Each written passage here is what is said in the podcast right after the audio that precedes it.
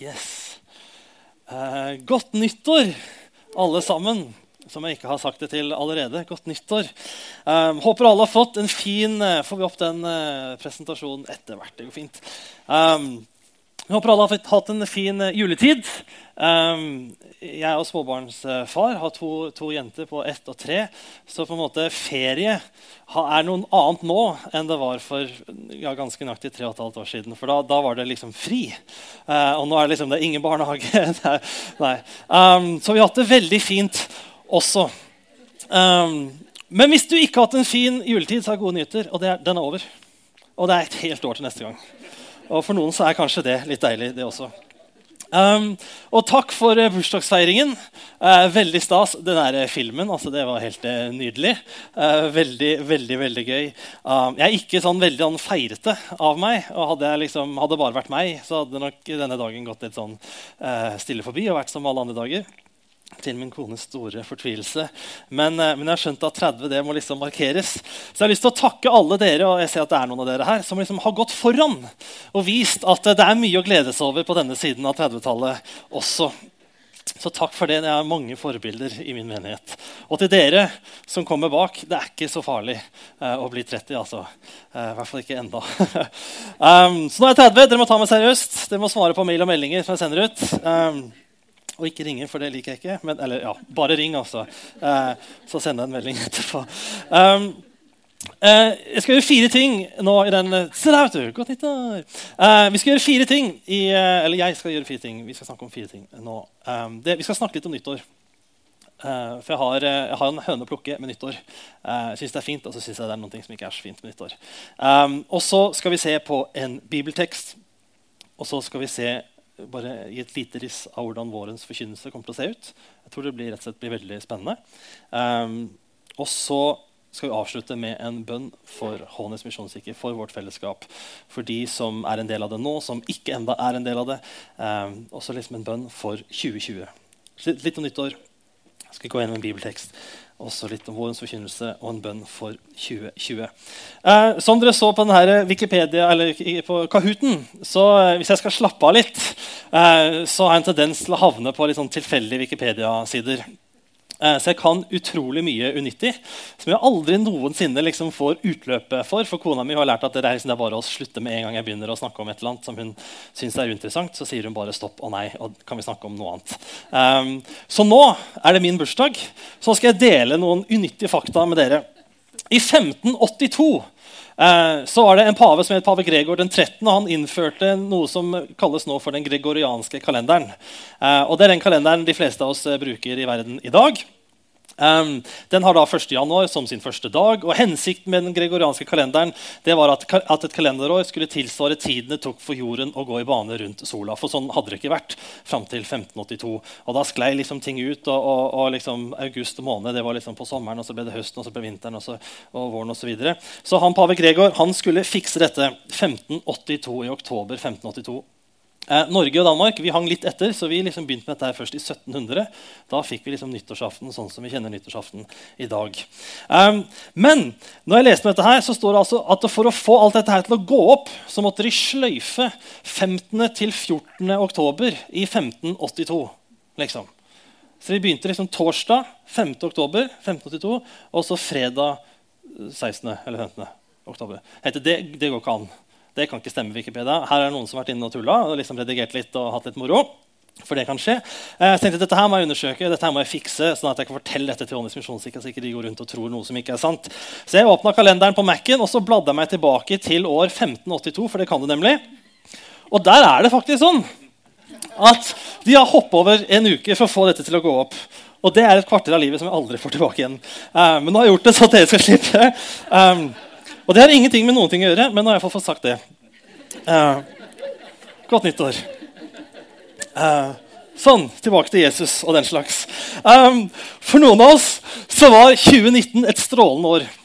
Det var liksom Alt klaffa. Liksom, 2019. Eller så godt at så mye klaffa at det som ikke klaffa, det har man glemt. Og har ikke så stor betydning lenger. Liksom, helsa holdt, målene ble oppnådd, relasjonene var gode.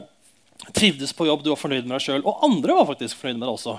Det var fint å hatt liksom 2019. Det var et godt år. Og For noen av oss så var det beste med 2019 at det tok slutt. Det det var et drittår. Og så er det nok en del av oss også som er et eller annet sted midt imellom. Kanskje det bare var ett år som alle andre år. Um, fortellingen om nyttår, liksom det nyttår har begynt, eller det, liksom det symboliserer, det det representerer for oss i dag Det er ikke bare liksom fyrverkeri, og så er det ferdig, men det liksom representerer en del ting. Det representerer liksom en ny start. Blanke ark, en ny sjanse. Du kan sette deg nye mål, det er nye muligheter. Du er liksom, det er preget av optimisme, framtidstro. Yes, liksom, det er et nytt år. Vi får starte på nytt. Og det er stas. Og alt dette fine og flotte det hviler på deg, er liksom fortellingen om nyttår. Veldig mye fint. Liksom. Du får starte på nytt. Tenk, det. Tenk å få lov til å starte på nytt. Jeg vet ikke hvordan eh, dere har hatt det, men jeg har hatt mange øyeblikk og tider i mitt liv som har tenkt åh, hvis jeg bare kunne liksom fått starta på nytt. Og ikke bare starta liksom, fått gjort det en gang til, men måtte sletta det der forrige forsøket. Og så fått et nytt forsøk. Og hvis fortellingen om nyttår sier at dette er mulig, men det er fullt og helt opp til deg om nyttårsforsettet ryker i januar, så var det din skyld. Eller var du som ikke klarte liksom, det var ikke du som var disiplinert nok. Det var ikke du som klarte å holde deg, Du klarte ikke å holde fingeren for godteskåla, eller du kom aldri på trening. Eller kanskje du begynte å hadde et eller annet mål om å være blidere og glad. Det er liksom veldig inn i dag. Liksom, gjør det som får deg til å føle deg godt, og gjør det som måtte, føles riktig for deg. Og så kanskje det ender opp med å være akkurat sånn som det har vært før også. Så kan det være skuffende. Det hviler bare på deg, er fortellingen om nyttår. Uh, og nå har jeg blitt 30. Jeg har levd en stund og jeg har skjønt noen ting. Jeg skal øse litt av min livsvisdom for dere. Um, det skjer ikke noe magisk når klokka bikker midnatt på nyttårsaften. Det gjør ikke det. Man skulle gjerne ønske det, eller jeg skulle ønske det noen ganger. Åh, kunne liksom ikke bare vært sånn knips. Så tok man liksom uh, kontroll A, delete. altså ja, ja ikke, ikke. Um, Men man liksom sletter alt det som var, og så kan man begynne liksom å skrive historien sin på nytt. Men det skjer ikke. Og det er ingen, kanskje bortsett fra dette her berømte nyttårsbarnet, som starter det nye året, som starter 2020 med blanke ark. Det som var vanskelig 31.12., kan fort hende at det også er vanskelig 1.1. Dessverre så er det litt sånn. Og det er heller ikke alltid så lett å riste av seg det året som har gått det kan sitte i ganske lenge. Og noen ganger kan det sitte i hele livet. Noen år som bare ikke går vekk. Noen hendelser som sitter i deg. Så Fortellingen om nyttår det høres jo flott og fint ut. Liksom, ny start, nye muligheter, blanke ark. Um, og så kan det komme mye godt av nyttårsforsetter også. Jeg har en far som har en sånn uh, Ikke jerndisiplin, sånn for det får høres sånn slem ut, men, man har en sånn enorm selvdisiplin. Selvdisiplin, det var et godt ord. Eh, som, som, som, jeg ikke arva et eh, snev av. Eh, men, men, han er sånn, hvis han setter seg et mål, eller liksom, eh, liksom går inn for å begynne på en vane, så, så blir det sånn. Liksom. Det er pappa. Um, han er ikke avholdsmann, han måteholdsmann når det kommer til alkohol. Og helt siden, altså Før han ble 18, nei, da var det ulovlig å drikke alkohol. så det gjorde han ikke. Og når han ble 18, så var det lov med to enheter, og så var det Farris. Og nå er han 60 år gammel, og det holder man med enda. Det er to enheter og Farris. Og det har aldri vært mer enn to enheter og Farris. Og det sier han, og jeg stoler på han, for han er pappa. Eh, så litt sånn uh, ukritisk blikk der på, på, på, på far. Men, men, uh, men, jeg tror faktisk det er sant. To enheter og så Farris. Og det er Farris, og det er liksom ikke eplesider. eller noe sånt tull. Det er, er Farris, den blanke uten noe smak. Ja. Eh, gode, kjedelige pappa. Men um, det er noen som har den disiplinen og kan komme noe godt ut av nyttårsforsettet. Så hvis du vil sette et nyttårsforsett, gjør det. Jeg har satt mine. liksom. Det er de jeg har hatt siden jeg liksom begynte med sånne ting. Liksom, Tren mer og spis mindre usunt og vær gladere. Og alt det igjen der. Eh, og jeg skal prøve på det, og det kan komme noe godt ut av det. Men fortellingen om nyttår er ikke helt sann. Eller er altså ikke helt god. I Johannes eh, kapittel 13, Johannes evangeliet, kapittel 13 så eh, blir vi vitne til Vi kan lese om en litt sånn merkelig sekvens eh, mellom disiplene og Jesus. Eh, de er samla, det er rett før påske. De skal spise middag sammen. De er sannsynligvis samla hjemme hos eh, noen. Om det er hos en av de eller hos noen andre, det, det vet vi ikke. Um, men de er samlet. og det er, Dette er altså 13 gutter, menn, som har vært sammen hver dag de siste tre årene.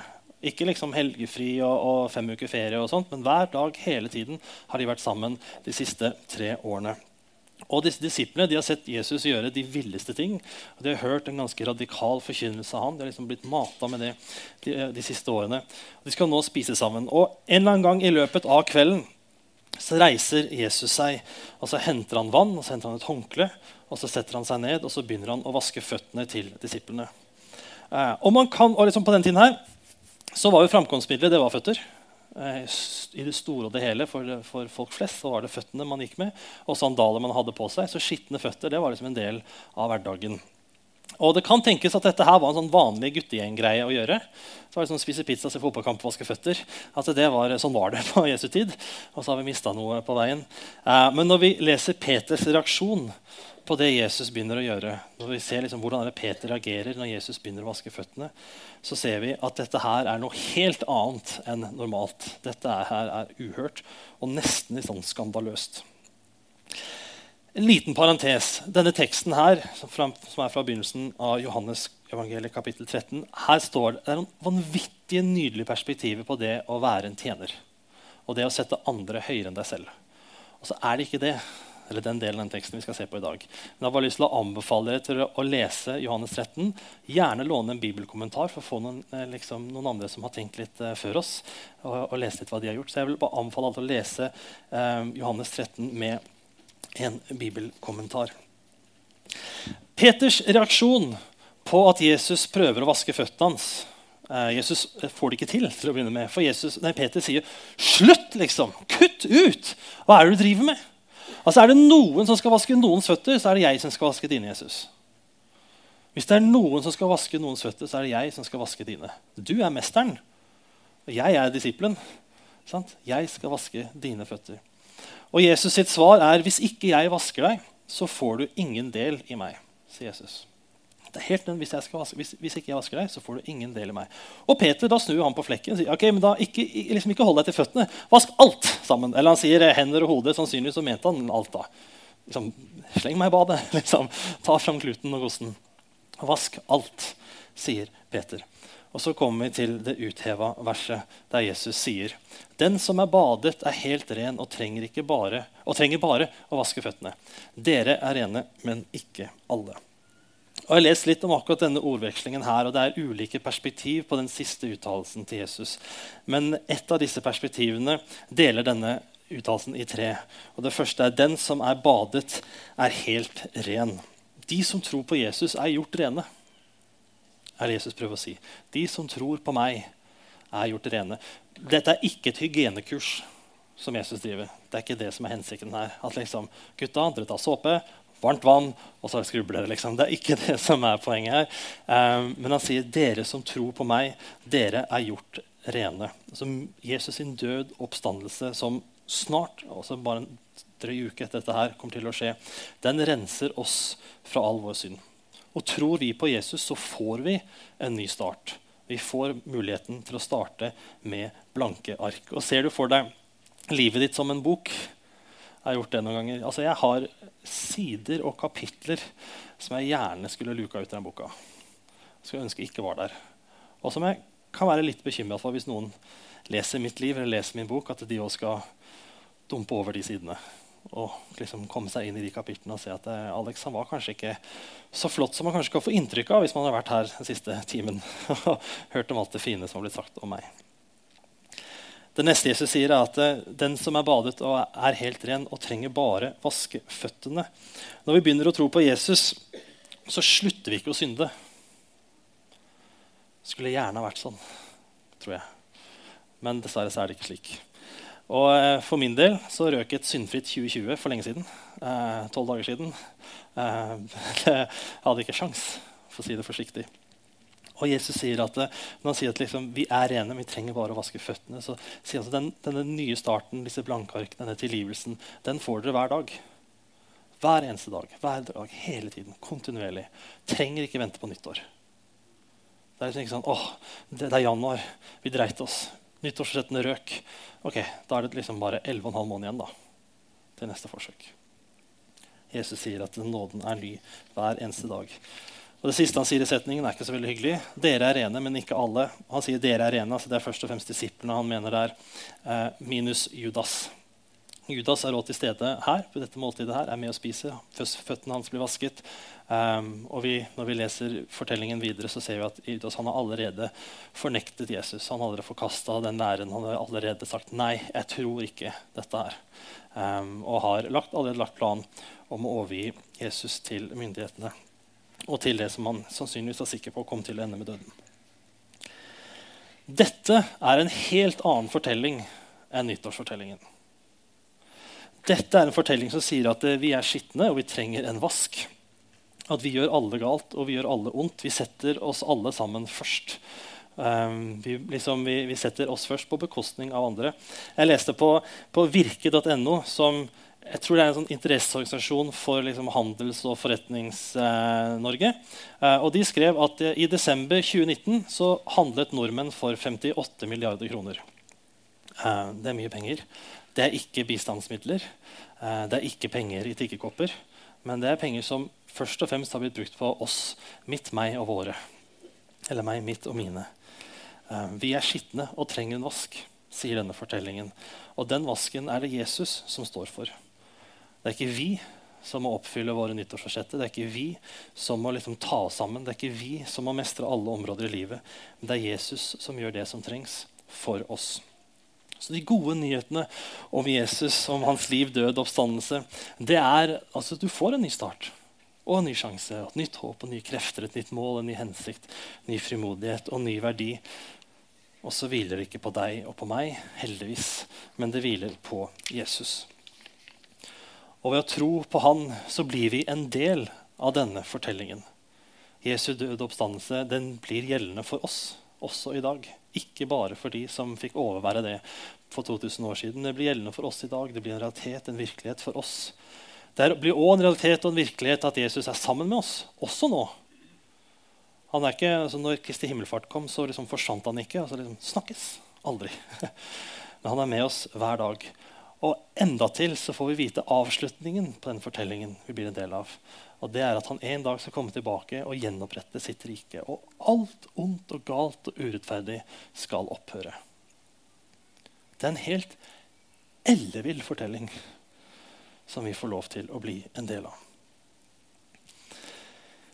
Våren 2020, um, forkynnelsen i våren 2020, så skal vi følge denne fortellingen hver søndag dette, dette året her.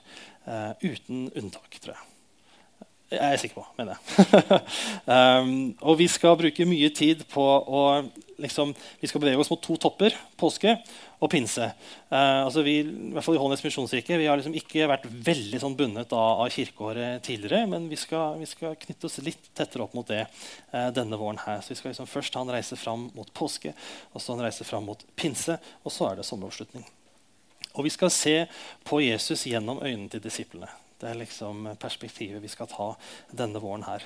Og jeg tror det kommer til å lære oss mye om, om, hvordan vi i dag kan både ta imot evangeliet, men også hvordan vi kan gi et gjensvar på det. Og jeg er utrolig spent og forventningsfull til hva det kan gjøre med vårt fellesskap. Både de av oss som er en del av det nå, og de som enda ikke har blitt en del av det.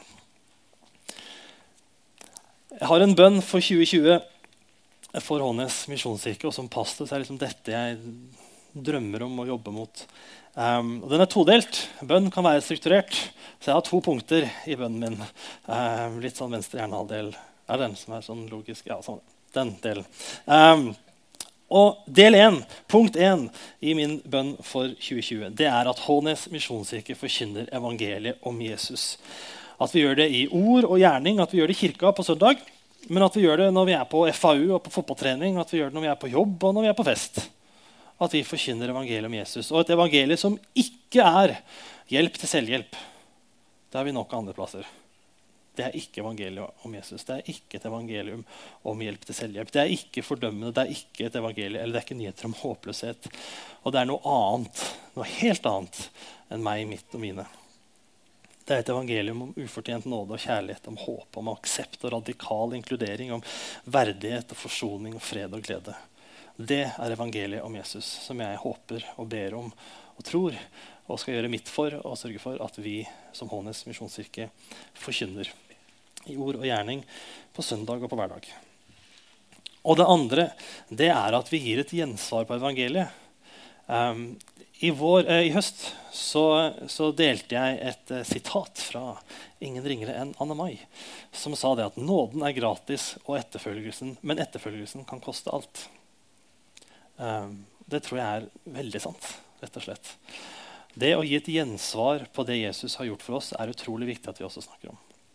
Um, jeg har hatt en sang på hjernen siste uka. Uh, 'Nærmere deg, min Gud'. Nærmere deg, min Gud, nærmere deg. Og så kan jeg ikke mer tekst enn akkurat det.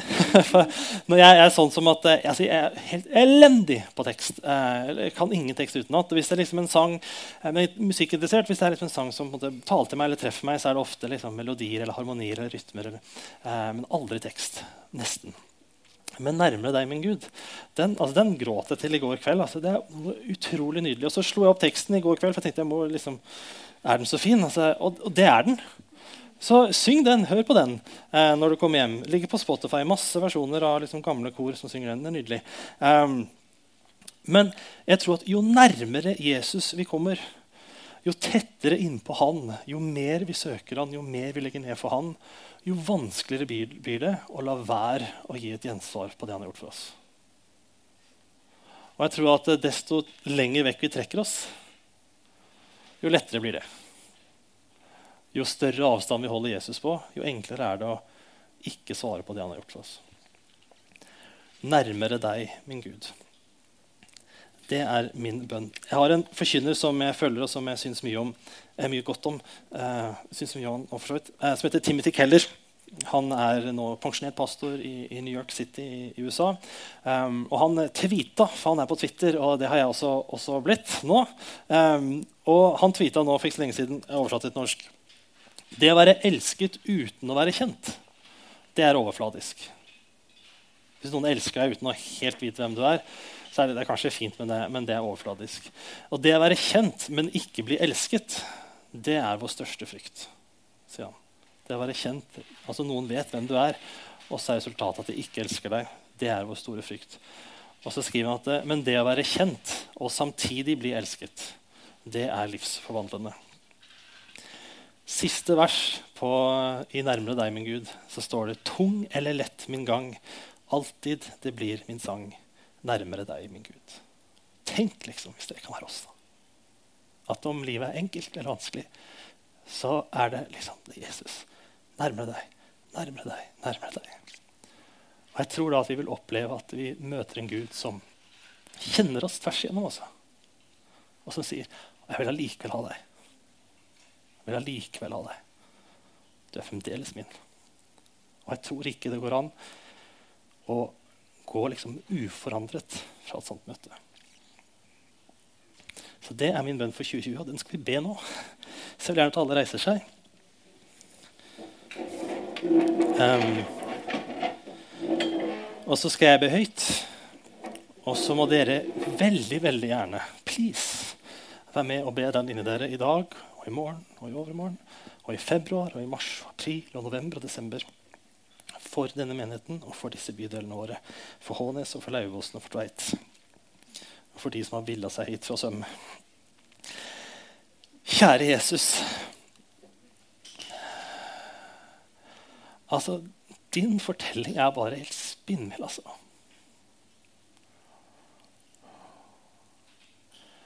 Og jeg takker for at det er virkelig at det er sant. Og jeg ber Herre om at, eh, om at vi skal få lov til å stadig, stadig oppleve at dette her er virkelig. Det er ikke bare teori, ikke bare liksom lære, det er ikke bare dogme, det er ikke bare liksom setninger, det er ikke bare sanger eller taler, men det er liksom virkelighet og sannhet og ting som angår meg og påvirker meg og merker ved livet mitt og livene våre. Så jeg ber deg Herre om frimodighet til å liksom dele denne fortellingen videre. Til alle de menneskene som ikke har hørt den, eller som har hørt den og ikke trodd den, eller som har hørt den og syns det er helt tullete, eller som, som, har hørt den og ikke helt skjønner liksom, hva som er greia.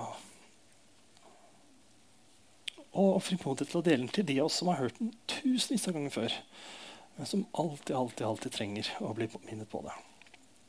Og jeg ber deg for Hånes misjonskirke at vi skal være en menighet her på Lauvåsen og Tveit og på Hånes som virkelig forkynner evangeliet om deg der vi er til alle tider, i ord og gjerning. Og jeg ber deg, Herre, om din hjelp til å gi et gjensvar på det du har gjort for oss. Hjelp oss til å søke deg, hjelp oss til å holde oss nærme deg, hjelp oss til å sette deg først. Hjelp oss til å bli mer lik deg. Og jeg ber for alle de som ikke tror på deg, Jesus, at de skal få lov til å få et sånt møte med deg, der de får oppleve at Å, steike, du vet hvem jeg er og at du elsker meg likevel. Så jeg ber frimodig om et år her på Hånes, og så for vår menighet, og for Hånes kirke, og for Frikirka, og for den som jeg ikke kan navnet på, ute på krysset der. Um, på liksom, menighetshuset på Hamresand og i Tveit. og dette skal være menigheter bestående av mennesker som vi er syndige, og vi trenger å bli vasket hver eneste dag. Vi trenger å liksom hele tiden få tilgivelse for det vi har gjort, og det vi gjør, og det vi tenker og føler og mener og tror, og vanene våre og karakterene våre. Og så ber jeg om at din kjærlighet og din nåde og din tilgivelse, din fortelling, at den skal bli synlig gjennom oss. At flere mennesker kommer til å tro på deg, og flere mennesker får lov til å bli forvandlet av din nåde. Det ber jeg frimodig om i ditt navn, Herre. Amen.